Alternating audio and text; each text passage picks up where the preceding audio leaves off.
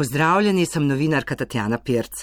Nekaj mesecev sem se srečevala z Adrikami in Adrici, ki so mi pripovedovali o svoji Adriji, kako je vzletela, letela in trdo pristala. Adrija nam je dala krila.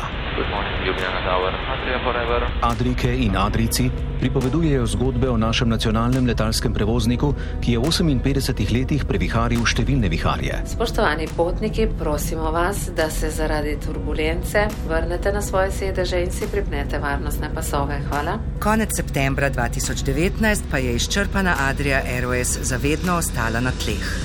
Vsi smo nekako slutili, da je to mogoče, ampak verjeli pa nikoli nismo.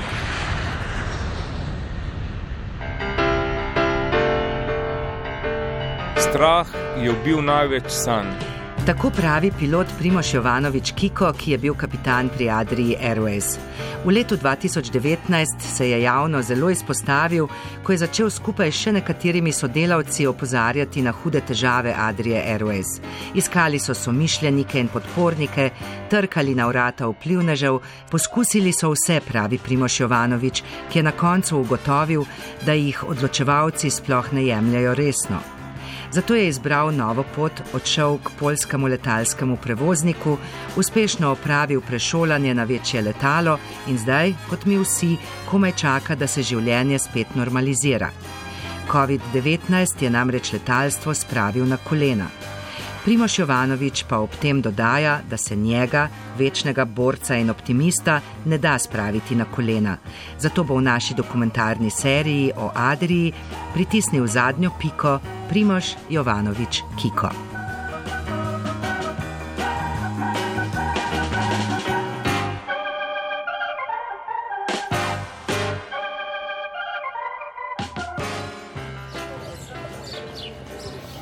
Jaz sem potem, dokaj malo, ko se je izkazalo, da Adrije ne bomo rešili, oziroma da se ne bo postavljala nova firma, eh, se odločil zavestno, da se čist umaknem od vseh teh zgodb, ker me je po eni strani me je bolelo, eh, po drugi strani sem pa imel resen, jaz pa moji kolegi, ki smo bili udeleženi v teh procesih, videli, kako oziroma do obisti spoznali, kako funkcionira država, kakšni so bili njihovi resnični nameni pri ustanavljanju novega prevoznika oziroma reševanju Adrije.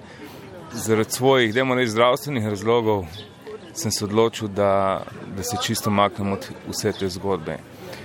Zdravstveni zaradi tega, ker človek, normalen človek, ne more to mirno prenašati eh, in, in gledati, kaj bi se dalo, oziroma kaj se bi lahko naredilo, pa se ni naredilo.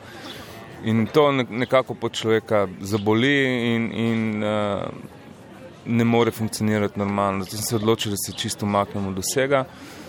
Za nazaj pa vedno, ko gledamo v preteklost, vedno grde stvari pozabimo in, in vidimo samo uh, tiste pozitivne. Seveda, meni še vedno Adre kot podjetje, kot zaposleni kolegi, še zmeraj zelo veliko čustveno, pozitivno čustveno eh, razmišljamo, ne, pa ni bilo vedno vse tako lepo, ne.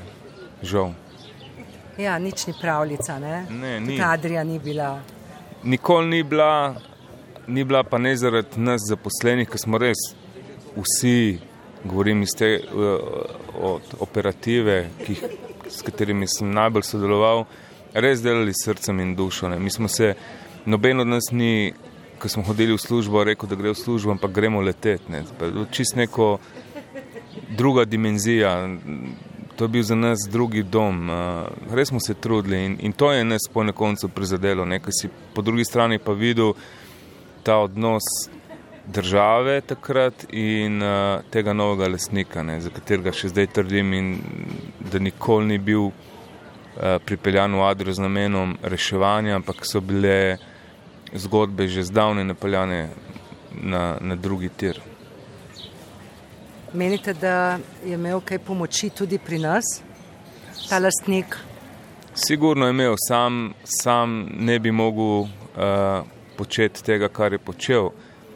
Koliko daleč segajo te lovke, ne vem, ampak definitivno si upam trditi, da, da je bila Adrija prodana 4K z namenom, in da nikoli ni bil namen uh, prodaje Adrije, reševanju, ampak nekim drugim robotom, za katere obstajajo različne teorije, ampak mogoče kdaj drugič. A se prav spomnite dogodka, dneva, trenutka, ki ste rekli, zdaj pa dost?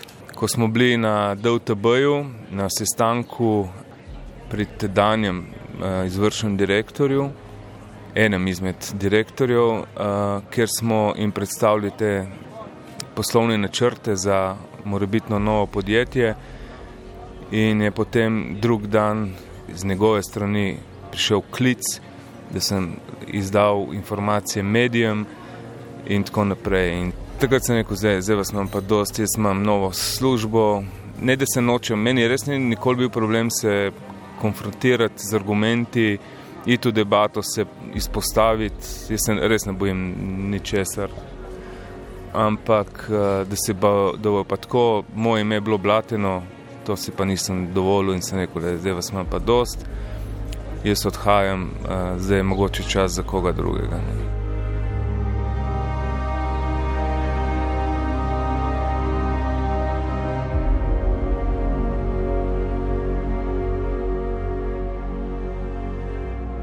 Že takrat, ko je Adrija obstajala, ne, že avgusta sem se prijavil na razpis, jaz sem tudi že takrat vedel, da hočem imeti ven iz tega podjetja.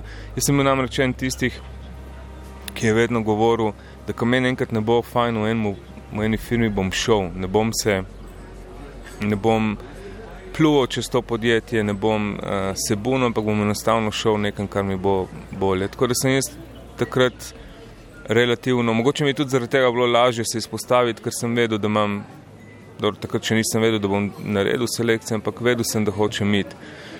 In je bil ta presek, ko sem se odločil, da grem zelo enostavno. Nisem res enostavno, nekaj časa sem bil še prisoten na teh adrijskih Facebook straneh, pa Viber grupih, ki smo imeli, potem sem pa videl bolečino drugih, ki se enostavno niso mogli sprijazniti s tem, da Adrija ni več in, in, in tako naprej.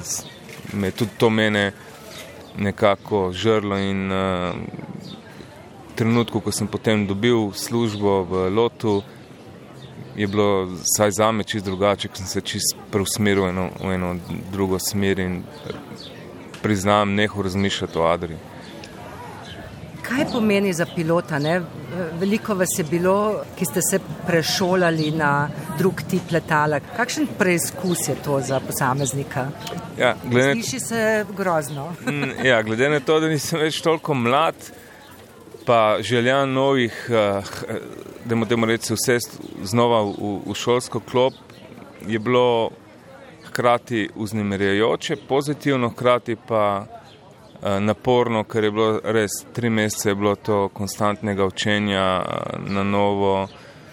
Bilo mi je zanimivo zaradi tega, ker sem, mm, ker sem po dolgem času se spet nekaj iz nule učil in, me, in spet sem dal možgane malo na on v tem kontekstu. Bilo je pa naporno. No. Jaz sem se tudi zelo odločil in sem šel namreč na pozicijo kopilota iz pozicije kapitana na kopilota, zaradi tega, ker sem ocenil takrat, da je to za me nov izziv, da bi rad še enkrat štartil iz neke nulte pozicije in se sam pri sebi rad dokazal, da vidim, a, a sem sposoben tudi neki drugi firmi prilesti na neko uh, funkcijo kapitana odločil sem se za en čist drugi tip letenja, to je uh, dolgo progaši, da moram tako reči. In... Prav čez oceanski leti, dolgi leti. Tako. Uh, in je to za me res bil en nov izziv. Največ sem v Adri letel 15 let na, na istem tipu letala in je, in je res bil čas, da, da, da zamenjam. In če že menjam, sem se odločil, bom zamenjal za 180 stopinj. Prav v Adriji ste bili na CRJ letalu ki je manjše letalo. Ja. Ja, na, v Adri je bil poprečen let ne vem, eno uro, eno uro pa pol, imeli smo nekje štiri sektore na dan, se pravi, bilo je ogromno vzletov, pristankov, stalno se je nekaj mudilo, stalno smo bili pod nekim presingom. Na teh čezoceanskih letih je pa ne vem. Dokler ni bilo COVID-a, sem vem, šel dvakrat na mesec v službo, let je trajal 11-12 ur, vse poteka bolj umirjeno, uh, in meni bolj všečno, uh, manj sem utrujen, seveda to je še posledica malo adrenalina na novem tipu in aviona in to, kar sem si vedno želel. Ne? Vsi, vse bodoče stivrdese in vsi bodoči piloti smo sanjali, oziroma smo imeli v glavi ta poklic pilota ali pa stivrdese, da se usedeš v letalo in si čez 12 ur na drugem kontinentu. Nisem hotel to probati. No. Sama velikost letala pa ko se enkrat, ko sediš v, te, v kabini noter, je res, da je kabina malo večja, ampak ni, ne čutiš, ne vidiš, kaj je za tabo. Tako da tle sem bil malo razočaran, sem se eno mislil, da bo malo, wow. Pa se je tudi nekaj mojih kolegov išlo še na večja letala, ne, na te Boeing 747, ki je želja vsakega pilota. In, uh, na katerem letalu ste pa vi? Na Boeingu 787, ta Dreamliner, ki je tehnološko res dovršen in, in tu je bil pri meni največji problem, ker sem mogel z nekega manj dovršenega letala, ker je bil manj avtomatiziran, bolj pilotski je bil CRE, sem ga imel tudi drajši, ker je res bilo lepo leteti z njim. Iz pilotskega stališča sem šel na nek, neko letalo, ki je avtomatizirano do, do zadnjega kotička in je tle si res bolj, na Boeingu si bolj uh, administrator, računalniški programer kot, kot pilot. Koliko časa recimo, je to trajalo, prešolanje vsega skupaj, kakšni so postopki, ko ste bili sprejeti? Zdaj, ko smo bili sprejeti, smo uh, približno mesec pa pol uh, od doma imeli dostop do uh, tako imenovanega CBT, to je Computer Based Training, kjer smo se priučevali sistemov letala. Potem smo po vsakem tem poglavju imel neki test, če si opravil ta test, si lahko šel na, nov, na novo poglavje. Potem smo šli na Vršavo, kjer smo imeli neka interna predavanja, in potem je v šolanje na simulatorju v Miamiju, ki je trajalo približno mesec dni, izpit, potem še približno 15 dni internih predavanj in potem šolski let. Se pravi, nekje tri mesece, s tem, da še vedno nisem izšola na tem tipu, ker je uh, vmes pač se zgodilo, kar se je zgodilo. Ne. Človek to dojema kot eno tako dvojno nesrečo. Ja, ampak jaz uh, vedno poskušam vsaki taki stvari, tudi ko je šla Adrija v stečaj, potegniti neki. Ne, težko reči pozitivnega, ampak nisem se nikoli pustil, da me to potre, ampak sem vedno poskušal se čim prej postaviti na noge in iskati nove rešitve. Isto je, seveda, Eh, vsi smo že mislili, da smo se rešili iz najhujšega, ko je zdaj udaril COVID, ki je letalstvo res spravil na kolena.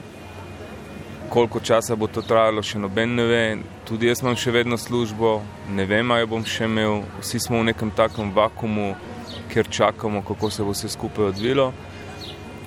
Uh, moram priznati, da, da še zmeraj pozitivno razmišljam ne, in uh, da se bo stvari Eh, postavili slej prej na, na, na, na svoje mesto. Če se ne bojo, bom pa počel kaj drugega, se to ni, ni, ni zdaj konc sveta.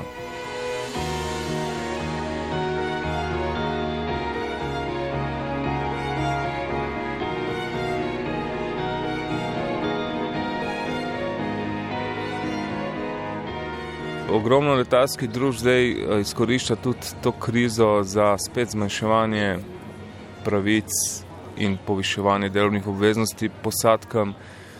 Določena podjetja bojo šla v stečaj. Jaz mislim, da bo na koncu to čez, čez par let nekaj velikih prevoznikov in nekaj malega, tevih low cost prevoznikov in da bo neka normalizacija prišla, ker to, to ni bilo več normalno. Mislim, eh, ljudje, ki sem se pogovarjal s kolegi, pa govorim konkretno za Adrijo, ne, Adrija ni na določenih linijah ni imela dragih kart. Ljudje so se navadili, da bojo potovali z letalom za 15, 20, 30 evrov, kar je v bistvu nelogično. nelogično ne. Ja. Sej jaz poznam princip, na katerem deluje nizkocenovnik in, in ja, je možno doseči tudi, tudi take cene, ampak so pogoji vstopni drugi. Težko je bilo razlagati ljudem, da pač ne moreš ti kupiti karto, normalno karto za, za 50 evrov ali pa 30 evrov. Glavna razlika med nizkocenovnim prevoznikom in eh, v narekovajih rečeno nacionalnim prevoznikom je predvsem v načinu, poleg načina poslovanja, tudi eh, način eh, njihovega funkcioniranja. Nizkocenovniki so, nimajo nobenih empatij do, do svojih zaposlenih, nimajo empatije do potreb določenih držav ali pa mest, kako se bo letelo, ampak pri njih je glavni kriterij trg. trg Večina nizkocenovnih prevoznikov uh, deluje tudi na principu subvencij raznih mest, držav in tako naprej. In že tu mogoče niso ena, enaka izhodišča. Medtem ko tako ga jaz razumem, nacionalni prevoznik spet v narekovajih, ampak pa mora in bi mogel skrbeti za interese države. Ne? Se pravi, da bo letel tudi na, na linijah, ki niso dobičkonosne, ampak so za določeno državo potrebne tako kot je recimo Adrija povezovala Balkane, ki, ki je zdaj z izgubo oziroma stečajem Adrije ni, ni več povezal s Sarajevom, ni povezal z Makedonijo, Prištino, Tirano in tako naprej. In to so bila vsa uh, za Slovenijo neke vrste tudi strateška, strateške uh, destinacije. In tu je poanta nacionalnega prevoznika, ki bi v prvi meri mogel skrbeti za, za, eh, za to, da je država res povezljiva.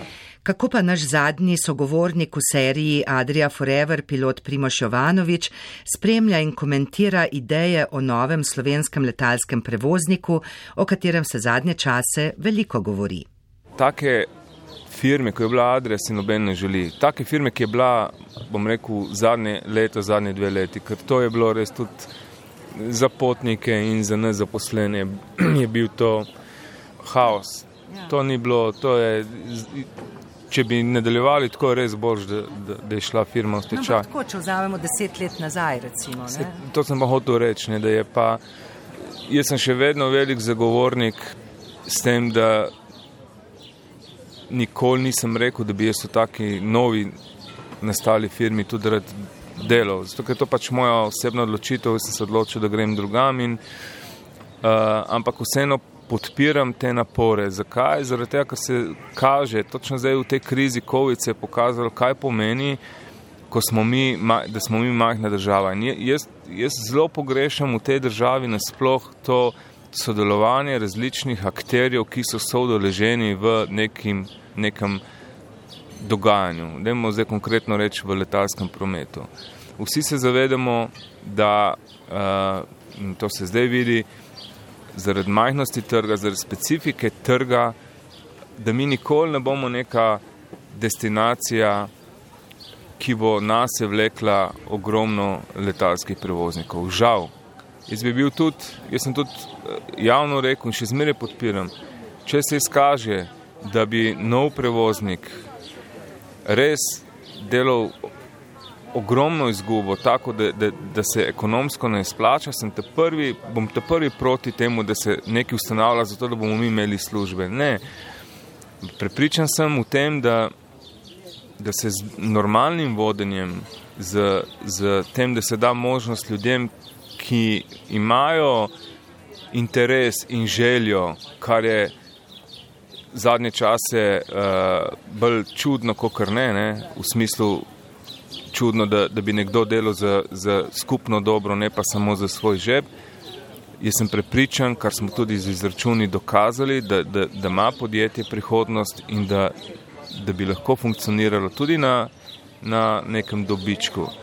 Problem je tukaj vedno bil, to vsi vidimo, še posebej v podjetjih, ki ima država neke prste vmes, da žal ne, ne, ne naredimo tega preboja in da se vedno nekje lastni osebni interesi vodilnih prekrivajo oziroma nadvladajo interesom dobrobiti podjetja. Če ne, sem prepričan, da bi in da mora imeti država svoje podjetje. Uh, še enkrat rečem, ni, ni zaston samo pet držav na svetu, ki nimajo svojega prevoznika, vsi se moramo spraševati, zakaj. in uh, enostavno ne dajo možnost uh, ekonomiji, ne, dajo, ne preverijo uh, poslovne načrte in, in stvar se bo izkazala, to pa garantiram, da za pozitivno. Pravno se resno lotijo tega posla. Ja, ampak nikoli se ga niso, mogoče, spravim, zdaj ne vem, uh, nimam upogleda v to, kaj se zdaj dogaja. Uh, ampak z resno analizo, z, resno, z resnim pristopom do tega problema, oziroma do, do tega se, iz, se bo izkazalo, to pa vem, ker sem videl izračune, da je smiselno imeti. Letalski prevoznik kot letalski prevoznik ima širši vpliv na, na gospodarstvo. Ni samo to zaposlovanje z, uh, pilotov, stevardec in ostalega osebja v, v takem podjetju, ampak od ti učinki in to so dokazani strani mednarodne organizacije za civilno letenje, da so to učinki na, na gospodarstvo in na, na ostale gospodarske dejavnosti ogromni. Ne? In teh učinkov se nikoli ni, ni, ni analiziralo, nikoli se jih ni ovrednotilo, ampak se je samo gledalo, aha, zguba je 10 milijonov in, in, in, in smo zgubaši. Ne glede na to, koliko je bilo uplačevanja strani zaposlenih v z davki in prispevki, ne glede na to, koliko je samo podjetje plačevalo, petrol je živel, kontrola zračnega prometa, ne na zadnje tudi aerodrom je denar od nas eh, dobival, kar je normalno. Turizem. Turizem, ja. In to je to, ne, te, te ne, to sem jaz pričakoval in zato sem se jaz takrat naivno vrgel, zdaj vidim, da je naivno, ker nismo imeli sploh možnosti za uspeh, zdaj ko gledam za nazaj ker noben ga to ni zanimalo, ker noben niti tega ni bral. So se že odločili takrat? Takrat je bila odločitev, to je bilo ping-pong med gospodarskim ministrstvom in DVTB-jem. Uh, eni so prelagali odgovornost na druge uh, in takrat je meni res vse dol padlo, ko sem videl, da mislim, res probali smo vse, prišli smo do točke, ker sem videl no, na, na lasni koži, da je da ne bomo nič dosegli, kvečemu bo šlo to na neke osebne obračunavanja, toliko mi pa ni zdaj, da bom pa jaz sebi življenje pokvaril za to, da, bomo, da bom nekaj dokazal, to pa nimam teh sadomazohističnih. Tisti politik, to pa mu jaz garantiram, tisti politik, ki bo dal svoj ja za ustanovitev firme in bo deloval v dobrobit te, tega podjetja, da, da se bo na koncu izkazalo, da je to, da je to uh, bila pravilna odločitev. Bo dala zgodovina plus. Seveda, ker je najlažje, to sem videl tudi pri prejšnji vladi. Ne. Najtežje je, je reči ja, najtežje je verjeti nečemu, na koncu je pa najtežje uh, se za nekaj zauzeti, pa probati. Ampak to je edini način za, za, za nek razvoj. Vsi uh, podjetniki, ne samo v Sloveniji, po svetu, verjamejo v nek svoj produkt ga analizirajo in dajo neki uh, v to, verjamejo v to. Ne. Pri nas pa sem vedno imel občutek, da, bilo, uh, da so bili že zdavne odločeni in, in da smo se mi v bistvu borili z mlini na veter in smo bili res čistem kot eni naivni otroci, ki smo starše pripričevali, da se nekaj splača. Ne. Sploh ni, ne vem, če smo bili enako vredni. Žal mi je sam res, da, da sploh niso dali, da sploh nikoli to pa trdim nikoli niso resno pristopili k analizi tega. Niso, ampak smo mi sam neke podpirje nosili na DLTB, pa na gospodarsko ministrstvo in uh, zgodilo se ni nič.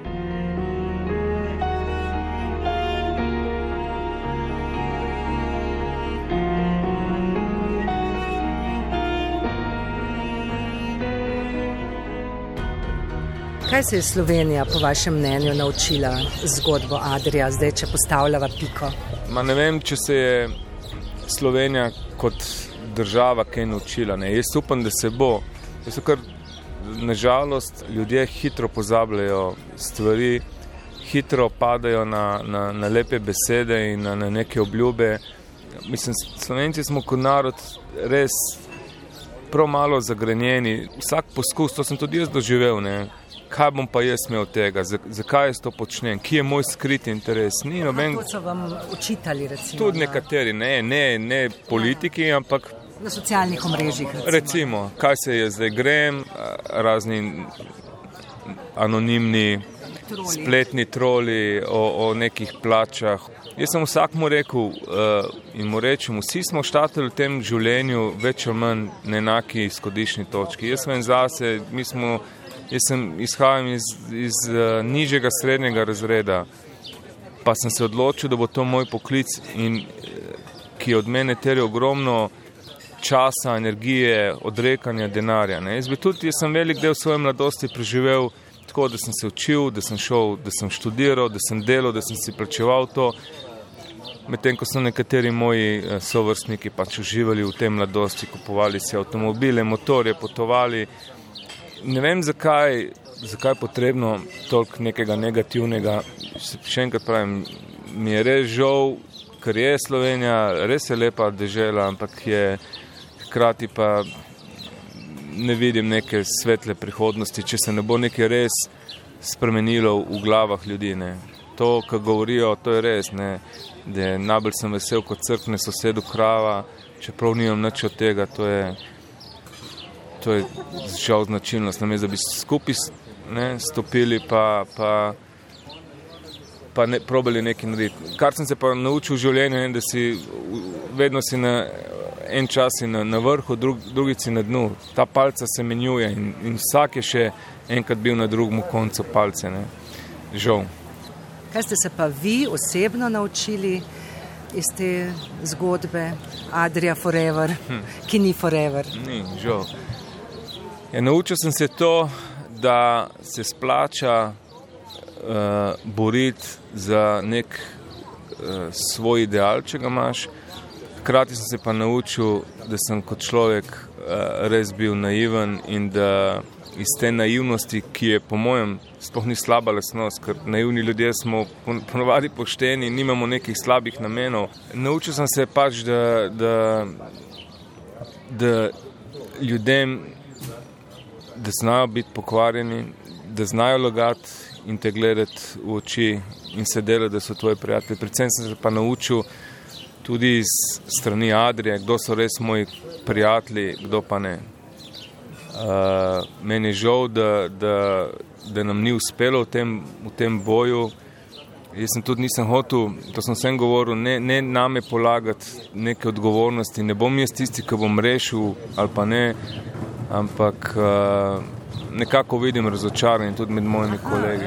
Da se redki izpostavijo, da je večina nekje skrita v kotu, uh, si ne upa na glas povedati svojega mnenja. Ja, pa ne vem zakaj, se ti, kaj se ti pa lahko zgodi. Ti, mislim, strah je ubil največ sanj in strah je tisti največji zaviralec v, v človekovem razvoju. Vsi smo radi v neki tej coni ugodja, ne vemo pa, da če hočeš iz te cone ugodja, ki, ki v Adri nekaj časa ni bila več tako lepa, ampak je bila cona ugodja, da, se, da je treba iti ven, se izpostaviti in probati nekaj narediti, ker drugače razvoja ni. No, vi lahko živite brez slabe vesti, ste naredili vse, ste se izpostavili. Tako, jaz in to je svoja pot. Tako, jaz sem.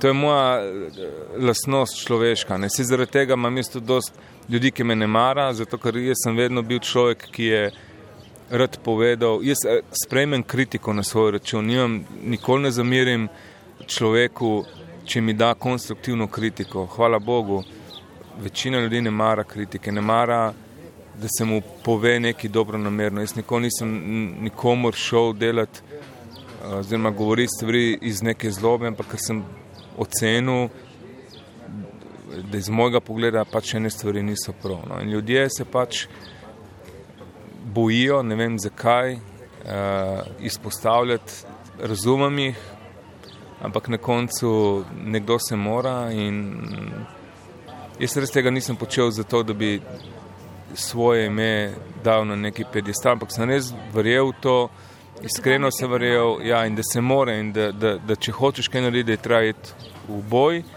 Žal, nismo uspeli v tem in uh, življenje gre pač naprej. Jaz upam, da se bo enkrat tudi v glavah ljudi, tudi v glavah politikov spremenilo marsikaj in da bojo dali možnost uh, predvsem ljudem, ki znajo, ki imajo voljo, da nekaj naredijo. Pa tle sebe izuzemam. Jaz nikoli nisem imel nekih ambicij po nobenih pozicijah v podjetju, ampak mene je vedno samo veselilo letenje. To.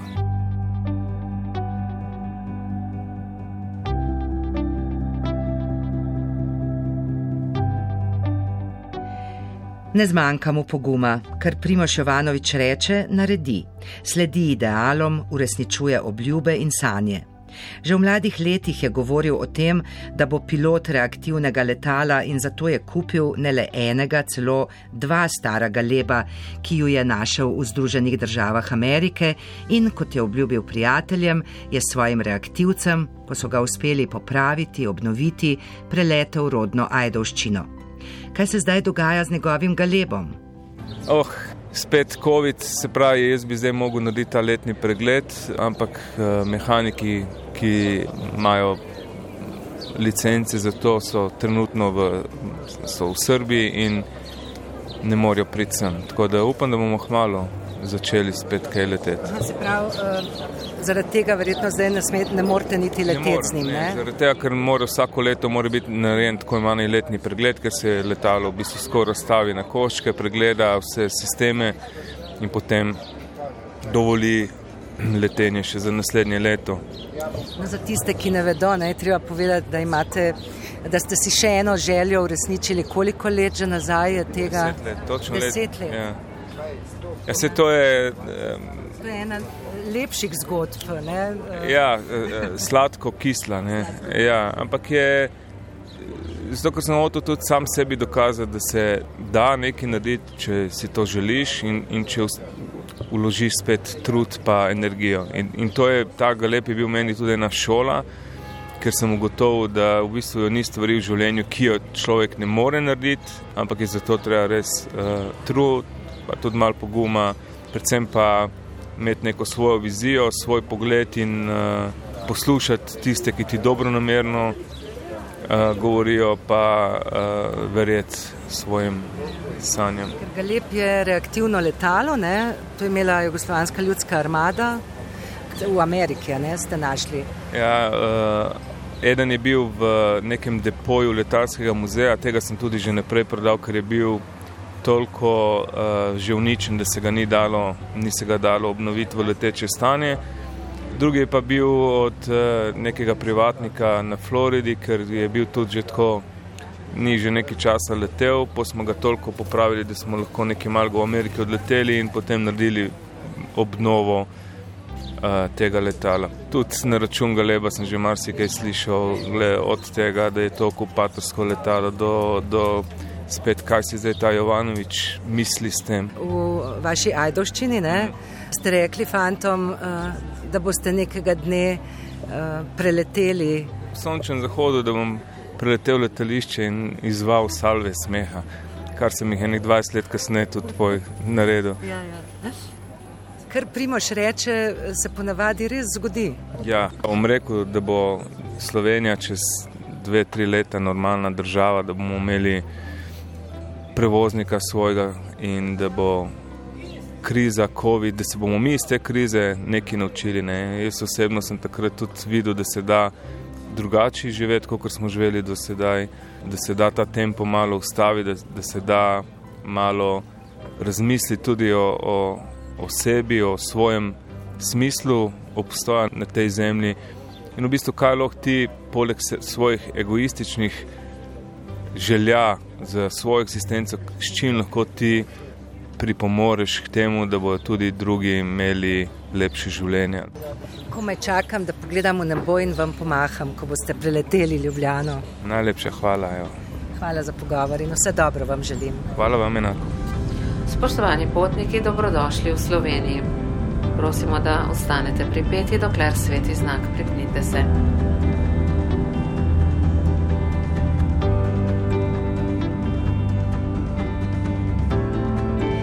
To je bila zadnja epizoda dokumentarne serije Adria Forever. Podcast o Adriji, ki je bila marca 1961 ustanovljena kot Adria Aviopromet, jeseni 2019 pa zavedno prizemljena. Adrije Airways ni več. Če nismo bili sposobni ohraniti pri življenju, jo ohranimo v našem spominu, saj ima posebno in pomembno mesto v zgodovini Slovenije. Hvala vsem, ki ste nam pripovedovali o svoji in naši Adriji. V imenu posadke vam želim prijeten dan. Hvala, ker ste potovali z Adrijo Airways in nasvidenje. Mojster zvoka Vjekoslav Mikes in novinarka Tatjana Pirc.